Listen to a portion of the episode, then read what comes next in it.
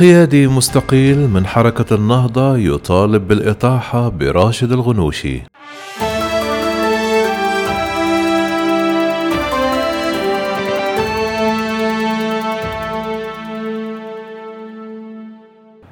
دعا قياد سابق في حركة النهضة التونسية خليل برعومي الاثنين الحركة إلى الإطاحة بزعيم الحركة راشد الغنوشي معتبرا أنه أخطأ ويتحمل كآخرين جانبا كبيرا من المسؤولية عن تطورات الأوضاع في البلاد. قال في تصريحات إذاعية أن حركة النهضة تتحمل مسؤولية كبيرة لما آلت إليه الأوضاع في تونس، وأن مشاغلها كانت بعيدة عن تطلعات الشعب، مشيرا إلى ارتكاب آلاف الأخطاء وأن ذلك يتطلب مراجعات عميقة على مستوى الحركة وقيادتها واعتبر أن الوقت قد حان لتغيير وجوه الخط الأول من الطبقة السياسية وفسح المجال أمام أشخاص متصالحين مع الشعب مضيفا يجب مراجعة القيادات السياسية بمن فيها راشد الغنوشي. وكانت حركة النهضة التونسية هاجمت رئيس الدولة قيس سعيد وطلبت منه التراجع عن القرارات التي اتخذها والتي زعمت بأنها غير دستورية وتمثل انقلابا على الدستور. وكان رئيس الدولة قيس سعيد أوضح في وقت سابق أن القرارات التي اتخذها كانت تطبيقا للدستور وليست انقلابا عليه مشددا على أنه ليس انقلابيا. ودعا كل من يعتبر أن الأمر انقلاب إلى مراجعة دروسه في القانون. في إشارة إلى زعيم حركة النهضة التونسية راشد الغنوشي. توزيع الأموال تحت جنح الظلام كما حصل منذ يومين من أحد المسؤولين في أحد الأحزاب حينما قام بتوزيع أموال على عدد من الشباب ليقوموا بعمليات نهبا وسرقة واعتداء على الممتلكات الخاصة والعامة. يقولون إن الدولة على وشك الإفلاس. أفلسوها.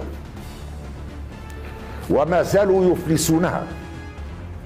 ويأتون إلى المنابر. وهم أحرار في ذلك. بعد أن قضوا يوما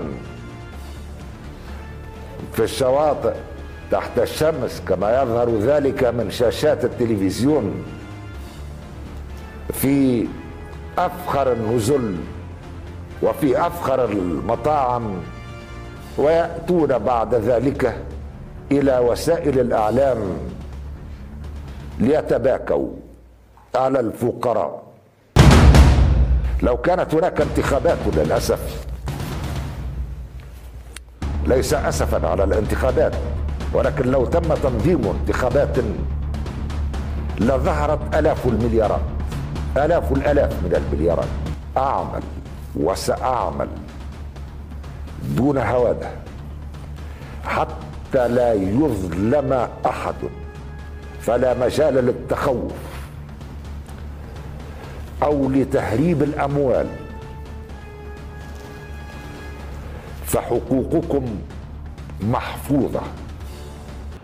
وكذلك أوضح الرئيس أنه لم يخرج عن الدستور واستند في قراراته إلى الفصل الثمانون الذي يتيح له اتخاذ تدابير في صورة وجود خطر داهم يهدد الدولة مضيفا أن الخطر أصبح واقعا في تونس بعد أن أصبحت مرتعا للصوص يحتمون بنصوص قانونية وضعوها على مقاسهم لاقتسام السلطة ويتعاملون مع الدولة ومقدراتها وكأنها ملك لهم مشددا على أنه لا مجال لاستمرار الدولة على هذا الشكل.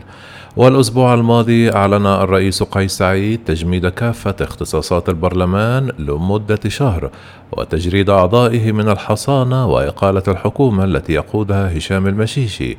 مقابل توليه رئاسة السلطة التنفيذية والنيابة العامة استنادا إلى الفصل الثمانون من الدستور وهو ما اعتبره رئيس البرلمان وزعيم حركة النهضة راشد الغنوشي انقلابا على الدستور والثورة. في المقابل ردت حركة النهضة بدعوة أنصارها إلى النزول للشارع أمس للدفاع عما أسمتها الشرعية مما أدى إلى حدوث صدام ومواجهات مع قوى الأمن.